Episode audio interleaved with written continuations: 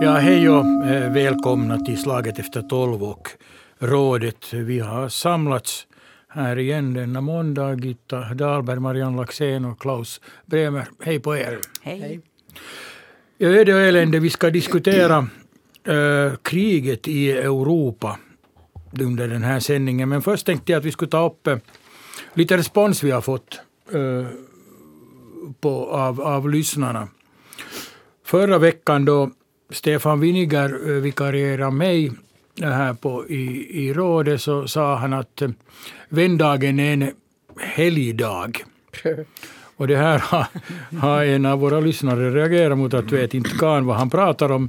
Det här var jag har pratat med, med Stefan om den här saken och det har man försökt till ironi och ironi funkar inte i, i radion. Och det vet han ju om. Vi vet ju att inte vändagen är någon officiell helgdag. Ett annat äh, mejl vi har fått av en lyssnare är, är att, äh, att han äh, eller hen inte mera vill äh, lyssna på rådet för att ni talar i mun på varandra. Ja, vi är kanske lite ouppfostrade Ja, stundom. Sen så blir vi så uppeggade ibland av vad kamraterna säger här. Så att det, så det, är väl det, som, det är väl det som gör det och det är Ja. väl meningen också att, att, det, att det här är mer ett, ett kaffebordssamtal än en Men vi ska försöka, försöka skärpa hålla i oss. Ja. Också vår lyssnare säger att dagens ungdomar är rätt- rätt högljudda så att inte att undra på. Om de tar Menar han att vi modell, är ungdomar så då går det ju bra. när de tar modell av er. Nåja, men eh, vi vill ju ha ordentliga diskussioner i, i rådet så vi fortsätter väl och försöker att inte tala i mun på varandra. Vi ska alltså prata om kriget i Ukraina. Att hur, kan det, hur är det möjligt att ett krig i Europa 2022 bryter ut? Och lite det här ska vi diskutera kring och det mänskliga lidande kanske då främst. Ja, vi skulle börja med, med, med dig Klaus, du hade någon jämförelse du vill komma med. Nå jo, det gäller en sån sak att krig kostar alltid, även om det inte direkt berör oss. Här har vi ju nu hört just i nyheterna hur Finnair aktier har störtdykt och hur Nokian Renkat har tappat 22 procent, Finland 25 procent och etc. Och det här kommer att fortsätta. Gemene man och kvinna på gatan klagar över att bensinpriset har plötsligt gått upp med 40 cent, 30-40 cent. Och jag vill faktiskt säga att det är nog inte första gången alla som är 60 år och yngre kanske inte kommer ihåg att vi har varit med om det här en gång tidigare. Nämligen 1973, Jom Kippur-kriget, där, där tre eh, arabstater angrep Israel och för att eh, understryka eh, sina handlingar så stoppade de med oljeleveranser tidvis helt och hållet. Och det blev en fruktansvärd energikris och, och, och det där. Och det berörde Finland i allra högsta grad. Det ledde faktiskt till att, att det där, eh, vi körde in i en, en sån här lama, lama på flera år. Från 1973 till 1975 då ännu skogsindustrin eh, stod på knä ungefär. Att vi betalar mycket för det och jag kan säga då bara som en liten ett litet exempel, jag ska inte läsa upp allt. Eh, Mina vänner här på andra sidan bordet kommer också mera ihåg hur, hur man skulle stänga av det ena och det andra. Men jag säger nu åt de här som kritiserar bensapriset att över en natt så steg bränn, priset på brännolja 180 procent, lättbrännolja plus 80 procent, dieseln plus 40 procent och bensinen plus 25 procent. Över en natt. Alla motortävlingar förbjöds, 80 kilometer i timmen, topphastighet i hela landet, motorvägarna mörklades etc. Nu ska jag inte prata längre, ni får gärna fylla i, men att pris, krigen har sitt pris och det, det vi står inför nu, ett angrepp på hela västvärlden och dess demokrati. Vi måste betala alla för det och vara beredda. Står vi, tror ni andra att vi står inför en, en likadan ekonomisk det är svårt att veta om den blir likadan, men det, det är klart att, att alla länder kommer att, att drabbas i, i någon mån. Och, och, Finland kanske, som ligger lite risigt till med en stor granne som, som ju den ena kontinenten, det vill säga den angriparen, som, som så att säga då ska, ska få sig på, på, på pälsen så gott det går av, av hela det internationella samfundet. Och, och, och, när inte handeln löper så, så då blir det ju naturligtvis att dra åt svångremmen. Men att eh, jag är inte så hemskt bekymrad för de där bensinpriserna och, och, och, så, utan jag ser nog det där lidandet ur en, en annan synvinkel. Och det priset som man betalar i, i, i människoliv och, och i, i förstörd hälsa så det är det som be, bekymrar mig. Och, och, och eh, nu säger jag att, att eh, mitt hjärta lever nog lite som en fladdrande fjäril nu i de här dagarna. För att man har ingen aning om åt, åt vilket håll det går. Och de som tror på, på Gud så de, de, de ber till Gud och, och, och de andra vet jag inte vad de, vad de sätter sitt hopp till. Men, men det här är en, en förfärlig situation som man trodde att inte skulle någonsin upprepas igen i Europa. Men där ser man, man har aldrig, man vet aldrig. Jag var säker på att, det, att Ryssland inte skulle ta det här steget. Vad, vad säger du Marianne Laxén? Trodde du att, att, att Ryssland skulle göra så här som de no, För det första skulle jag säga så här, och kanske det låter lite tokigt, jag vill inte säga Ryssland. Jag vill säga Putin och hans administration. Mm. För att jag har sett så mycket reaktioner från Ryssland som inte tycks ha kommit fram i våra medier ännu men som vi kan återkomma till, mm. så, som visar att i alla fall på, det, finns, det finns stora grupper i Ryssland som inte accepterar det här. Men ärligt talat så måste jag säga att jag trodde inte heller att det skulle hända. Och därför så måste jag säga att jag har lite... Jag, jag, liksom, jag har känt en sån ångest uh, den här veckan som inte jag tror under hela mitt liv. Och på grund av att det här steget är taget av Putin så har jag svårt att föreställa mig hur vi ska få ett slut på det. Och det, det är väl där som, som, som vi nu sitter. Mm. Och, där, där, där, och sen, om, om vi sen går till den här diskussionen som, som gäller priser för, för, för västvärlden eh, i och med att, att, att vi då bojkottar Rysslands ekonomi så säger jag ju nog att det är ett, det är ett litet pris om vi kan undgå flera som blir dödade.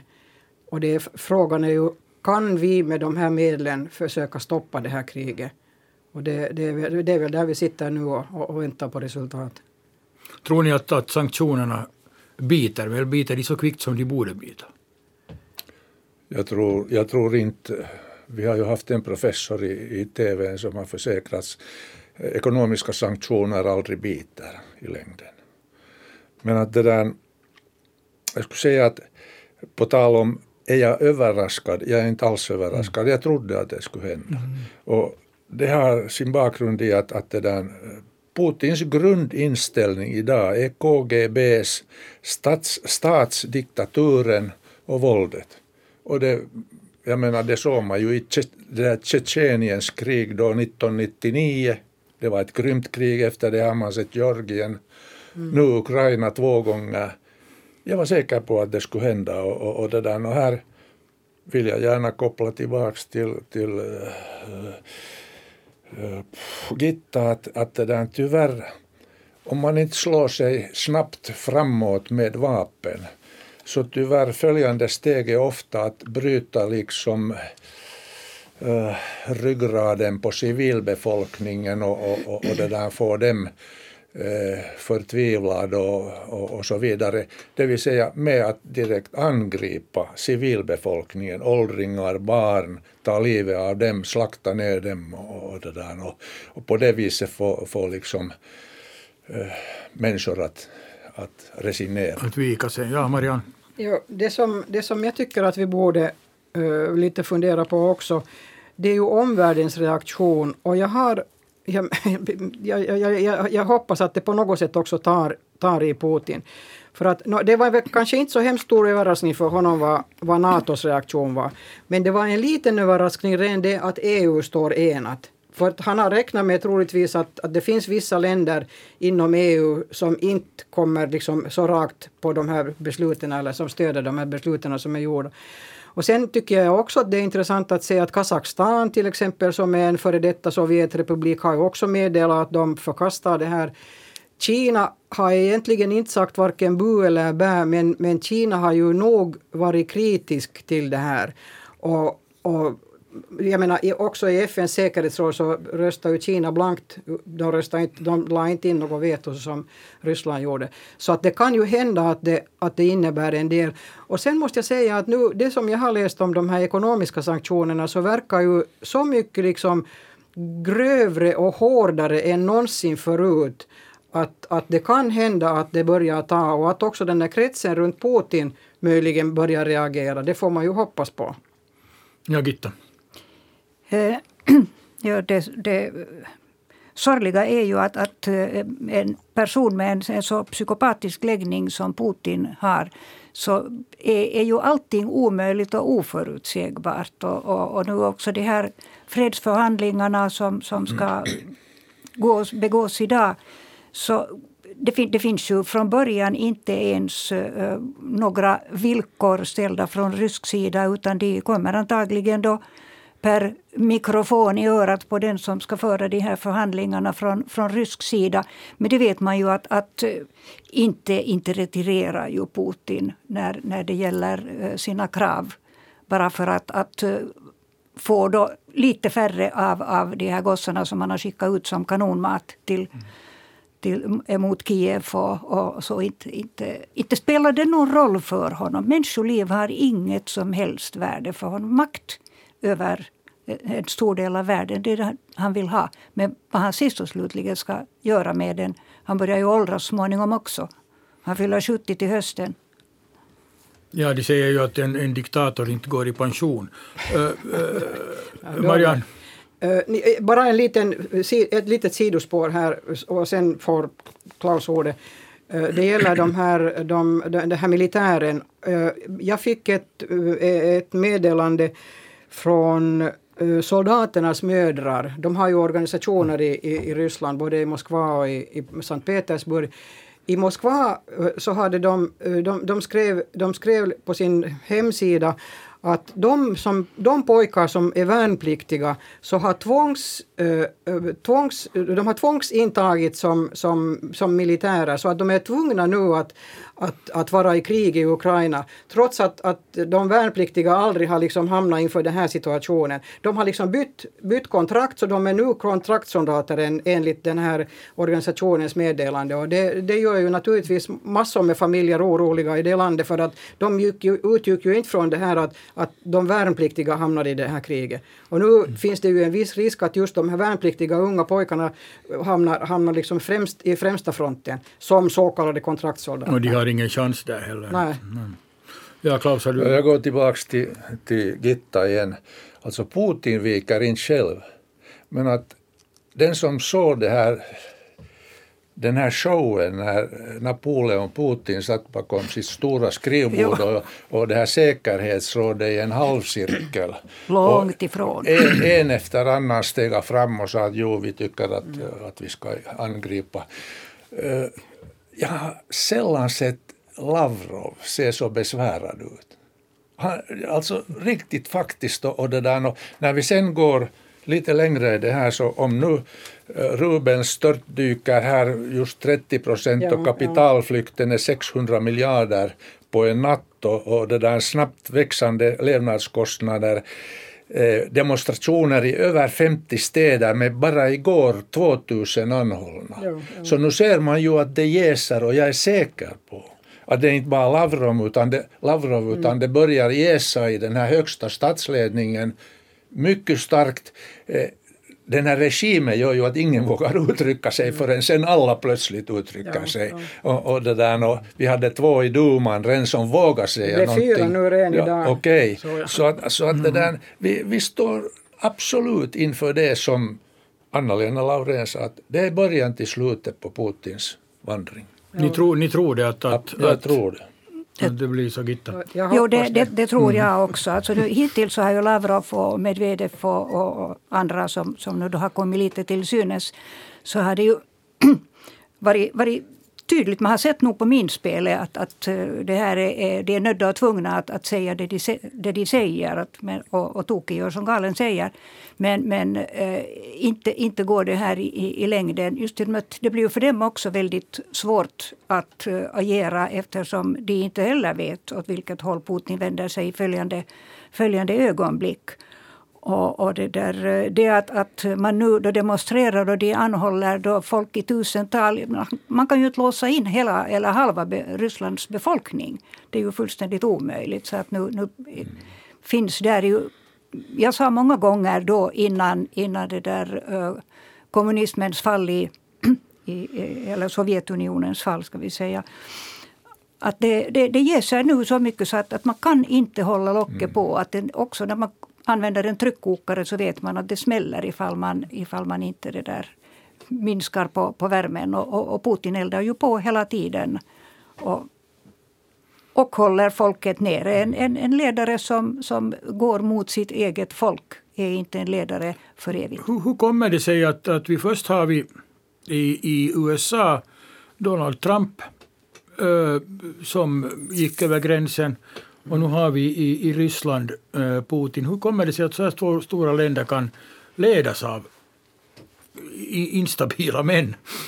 No, för det första så måste jag ju säga så här att tacka nu den Gud som jag inte tror på för att Trump inte nu är president i, i USA. För då skulle, då, då, då, skulle den här situationen säkert se helt annorlunda ut. Trots att enligt de här senaste rapporterna så har han ju, har han ju ändrat åsikt. Först var han ju för och, och tyckte att det var jättebra allt det var Putin gjorde men mm. nu, har, nu har han ställt sig lite kritisk till det. Men man kan väl säga så här att, och, och, som vi har diskuterat någon gång förut, att, att det är ju frågan om hur en demokrati fungerar. Och många som är mera insatta i demokratifrågor än vad jag är, så har ju sagt också att demokratin i USA är skör. Och vi kan, inte alls, vi, vi, kan ju inte säga att, att Ryssland är ett demokratiskt land. Det är, det är en skendemokrati. Och jag menar skendemokrati för dem kanske, men, men för oss så är det ju inte ens en skendemokrati utan det är en auktoritär stat där man sätter, där man för det första möjligen möjligen gör av med sina fiender eller så sätter man dem i fängelse. Det är ju det som har hållit på nu en, en, en lång tid. Så att, och där tror jag nog att vi i Europa, inom Europeiska unionen också borde också i Finland skulle jag säga, fundera två gånger på vad vi menar med demokrati. I Finland, så i det senaste valet deltog 45 procent av befolkningen. Det är också ett minus i demokratin så att inte kan vi heller liksom häva oss och säga att vi har de, de, de bästa demokratierna i världen. Ja, så att, jag menar, det, det, det, är saker och ting som man måste ta i beaktande. Och sen är det naturligtvis också fråga om, när det är frågan om Ryssland så det är fråga om historia. De har ju aldrig haft en ordentlig demokrati så folk vet ju inte riktigt vad det är frågan om heller. Ja, så det, Klaus, du hade... Ja, på tal om demokrati så måste jag säga att, att det där, det här angreppet mot Ukraina är ett angrepp på hela västvärldens demokratibegrepp. Och det, det, det är ett angrepp mot alla oss i Europa som, som vi kan ha lite olika, som Marianne sa, lite olika åsikter om demokrati, men huvudsakligen kör vi nog på samma linje. Och, och det här är ett angrepp mot oss alla. Och, och det där, och, där måste jag säga att jag är väldigt glad att västvärlden har kommit med väldigt starkt för mm. Ukraina. Till och med Tyskland som i början var envis med att de har gått och lovat och underskrivit, att, att, undertecknat att de aldrig skickar någon vapen någonstans. Även Sverige, här skäms jag för Finland lite, det måste jag säga. Men att det där, eh, det här är, det här är en kamp för den västliga demokratin och, och det är jättebra att det kommer fram. Får jag säga bara här, ja. så Gitta får sen fortsätta, men, men vi, har, vi har stora svårigheter med den västliga demokratin också. Jag tror inte att vi ska liksom bara... Vi, vi ska inte tro att vi är alltid bäst i världen. Det finns mycket att utveckla i våra demokratier. Ja, så är det väl förstås. Ja. Gitta. Jag, jag skulle nästan vilja återgå nu till, till äh, det här kriget och vad det innebär för, för människor, äh, i synnerhet naturligtvis i, i Ukraina där där man blir, blir beskjuten och, och, och, inte ska våga gå ut på, på gatorna heller. Inte, inte få gå för, för sin egen säkerhets skull. Det som, som um, oroar mig är väldigt mycket då den uh, tillgången till, till sjukvård och, och, och, mediciner. Så att ur den synpunkten sett så tycker jag att det är väldigt bra att Finland har förbundit sig att, att eh, skicka ett, ett fältsjukhus till Ukraina. Men sen måste man se framåt också på hur blir det med, med försörjningen alltså med den, av, av mediciner kroniska sjukdomar som diabetes och hjärtmediciner, cancermediciner, sköldkörtelmediciner och sånt där. Som, så det är oerhört viktigt att, att människor får tillgång till då kontinuerligt. Och, och, blir det avbrott i, i det här så kan man få, få se fruktansvärda lidanden. Och, och det här har jag funderat på också då för Finlands del ifall det skulle vara så att, att, eh, att vi dras med i, i någonting sånt som som vi hoppas aldrig, aldrig blir in, indragna i, alltså re, regelrätt krig. Men, men också om, om eh, transporterna inte fungerar. Det, det såg vi ju när, när Suezkanalen plötsligt hade ett, ett stort fartyg nästan tvärs över.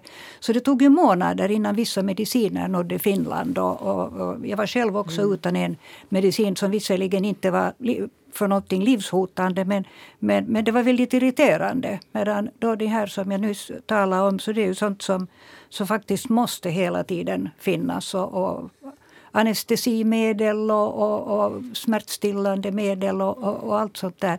Det, det, det hör liksom till, till det där som skapar ett, ett extra lidande om det inte mm. kommer. Ja. Jag fortsätter på den här linjen som, som du tog in. Och det var, jag ville tala om, om flykting, flyktingarna för det är också frågan om, om vad heter det, en human katastrof. Nu var det de senaste uppgifterna som vi hörde var väl över 450 000 flyktingar. Det som, det som jag tycker är på ett sätt också tankeställande för oss i västvärlden är ju det att länder som Polen och Ungern har hittills vägrat ta in en enda flykting för det har varit fel flyktingar. Det har varit flyktingar från Syrien, det har varit flyktingar från Afghanistan och det har varit flyktingar som de inte kan känna någon liksom, mänsklig värme för. Men mitt i allt så nu, nu, nu är gränserna öppna, vilket i och för sig är bra tycker jag. Men nu, är det, nu visar det ju på vårt sätt också att tänka att det finns, det finns liksom bättre folk och sämre folk och, och, och en, del, en del sköter vi om och andra sköter vi inte om. Ja, där har vi inte någon global värld mera utan då är det mera nationellt. Och, Exakt, och, just och ja. Och om det bara ska utgå från västvärlden och, och, och EU så då, mm. då, då, då, då, då trillar jag av den kärran jag. Klaus, trillar du av? Nej, jag, jag ska återgå igen till, till det som, som Marianne sa här om logistiken och transporterna. Att den Marianne heter Gitta. Nej, förlåt Gitta. Det där, ni sitter så nära varandra när jag tittar härifrån. kan inte se skillnaden på oss. När ni går upp till varandra. Jag försöker komma ihåg den där damen med kanariegult. hon har alldeles rätt med den här logistiken och det är ju otroligt svårt, nästan omöjligt att ordna någonting där. Men västvärlden är nog väldigt medveten om det här och jag tycker ett praktexempel är ju att tyska järnvägen Deutsche Bahn har ju lovat att de samarbetar med, med Ukrainas eh, det där järnvägar så långt det går och de är färdiga att eh, transportera ut från Ukraina och vidare gratis alla ukrainare som har ukrainskt pass gratis så långt de vill fara med tyska Deutsche Bahn. Att det, där, det tycker jag är ett exempel, men här finns många andra exempel. En annan sak som jag skulle vilja säga att vi har, västvärlden har anledning att känna sig lite skyldig också här för att det där, jag tycker nog att väst bedrog Ukraina mm. på sätt och vis 1994 när, när det där, man garanterar, västvärlden garanterar Ukrainas gränser mot att de ger ifrån sig alla sina atomvapen som Ryssland hade försett dem med. Och här ser vi nu hur mycket västvärlden har garanterat deras gränser. Ja, det är ju lite det att vi måste, att vi, vi sitter ju och tittar på vad som mm. händer där. Vi försöker ju hjälpa, men vi kan ju inte, inga, inga länder kan ju gå in och, och, och hjälpa militärt så att säga. Ukraina, och Ukraina kommer ju inte att klara sig mot, mot eh, Ryssland militärt inte länge. Nej det, nej, det kan nog vara ganska svårt. Mm. Men jag menar, Ukraina är ett stort land, 40 miljoner. Det är ju inte frågan om mm. det, men, men om det nu, nu jag, jag, vet inte om det är något så, det är det för mig att börja tala sån här militärteknik eftersom jag inte kan det alls. Men, men om, de, om de omringar Kiev så har vi då en, en, en vad har vi, en, fyra miljoner människor som är, som är omgärdade där. Så att, ja, det kan ju vara svårt att att, att klara av det hela. Det, det, det tror jag nog inte riktigt på. Och vilket lidande.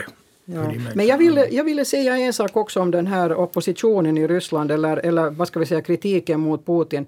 Nu just före jag kom hit så såg jag också att, att uh, 479 NGO-organisationer har skickat en, ett brev till Putin där de ber om att han ska av, av, avsluta det här. Så att, att det, finns, det finns ju, jag måste säga, de, de, är ju, de är ju modiga, de människorna som innanför Ryssland är ute och demonstrerar och också, och, och också skickar brev. Och sen så har de en namninsamling som den här um, Human Rights-aktivisten eh, Lev Ponomarev håller på med. 940 000 uh, underskrifter var det idag morse. Och så att man hoppas att, att, att, att, fler, och där skriver de namnet och det skickas det där namnet till Putin också så de, de är inte heller rädda för sitt eget liv där. Alltså en opposition finns där trots att det kan äh, betyda finkan för Exakt, just ja. ja. Gitta?